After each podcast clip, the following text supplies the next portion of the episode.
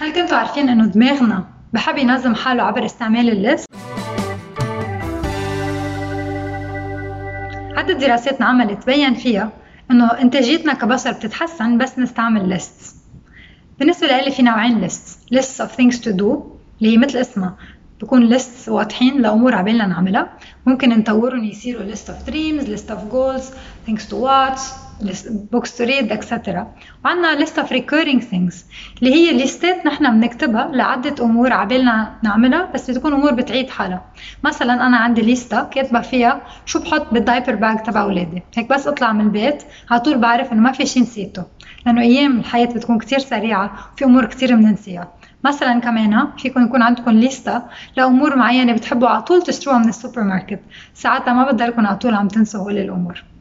في عنا عدة منافع لاستعمال ال list. أول وحدة والواضحة والكلكم تعرفوها هي إنه بيساعدونا ننظم وقتنا، بيساعدونا نربح وقت، بيساعدونا ما ننسى الأمور اللي عبالنا نعملها، بس كمان الدراسات بينت إنه وقت نستعمل list نحن عم نساعد الذاكرة تبعنا، لأنه بس نكتب الشغلة في علم ورا هذا الموضوع بيساعدنا نحن ما ننسى الشيء اللي عبالنا نعمله، حتى لو ضيعنا هيدي الليستا chances أكثر إنه نحن نكون عم نتذكر الشيء اللي بدنا نعمله.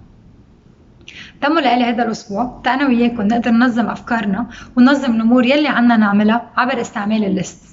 قروا ال blog post لتعرفوا تفاصيل أكثر عن شو فيكم تعملوا لتنظموا أسبوعكم. وانضموا لنا على الفيسبوك group تا أنا وياكم نحكي مع بعضنا البعض ومع بعض ننظم أسبوعنا ونشوف كيف عم بيقطع هذا الأسبوع. جاهزين هذا الأسبوع تنظموا حالكم عبر استعمال list؟ أنا جاهزة.